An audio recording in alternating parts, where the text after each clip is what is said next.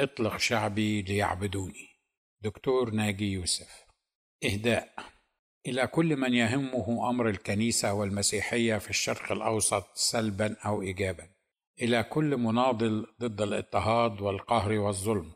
إلى كل حالم بالقضاء على الإرهاب واكتشاف روحه الشرير التي تحرك الإرهابيين.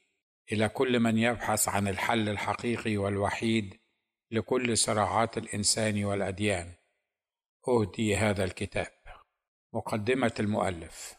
عشنا كمسيحيين في الشرق الأوسط بلا صحافة مسيحية أو إعلام مسيحي لقرون من الزمان. ولدنا وتربينا في مجتمعات إسلامية أغلقت علينا دنيانا داخل أسوار كنائسنا ففقدنا الاتصال بالعالم الخارجي. تقوقعنا على نفوسنا. فالخروج من جدران الكنيسة إلى العالم الخارجي محظور علينا بالقانون. مشاركة إيماننا مع الآخرين تسمى تبشيرا وجريمة يعاقب عليها الدستور. وتعبيرنا عن رأينا حتى في قضايا المسيحية الخاصة يسمى تمردا ومحاولة لإثارة الفتنة. لكن الثورات لا يمكن أن تخمد بالإضطهاد والقهر والاستعباد والأحلام لا تموت بالتخويف والإرهاب.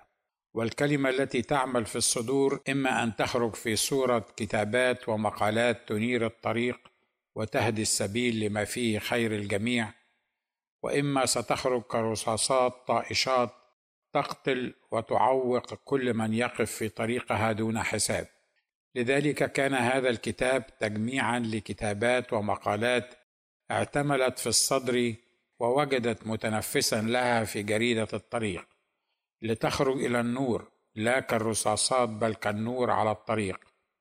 لتضيء لكل ذي عينين. للمخلصين الذين يبتغون مرضاه الله تعالى يخافون المولى ويحسبون حساب يوم لا ينفع فيه مال ولا بنون. أضواء على طريق الحياة المظلم باحثين عن الحل. كتبت المسيح هو الحل للذين تعبوا في فهم ظاهرة الإرهاب كتبت عن روح الإرهاب. ولمن يحاولون إخفاء الحقائق ويظنون أنهم منفلتون كتبت نشر الغسيل الوسخ إلى الذين يحاولون إخفاء صوت الكنيسة والذين لا يفهمون حقيقتها كتبت إنهم يخافون الكنيسة. وصباح الخير يا كنيسة.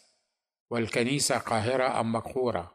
إلى الذين يريدون أن يعرفوا مستقبل مصر لكن بعيدا عن ما دونه الكتاب المقدس كتبت وحي من جهة مصر وغيرها من المقالات التي لا أبتغي فيها إلا مرضاة الله سبحانه وتعالى. وصلاتي أن تفتح هذه المقالات العيون الرمداء على الحق الذي أنزلته السماء وأن تهدي المخلصين التائهين في بحر هذه الحياة لما فيه خيرهم. ولتكون موعظة حسنة للمتغطرسين الضالين الذين نهايتهم الهلاك. اللهم تقبل منا الكتاب. الذي أضعه بين يديك واهدني واهد القراء إلى ما فيه رفع لشأن عبيدك الضعفاء في الأرض ولك منا كل الثناء والشكر. ناجي يوسف.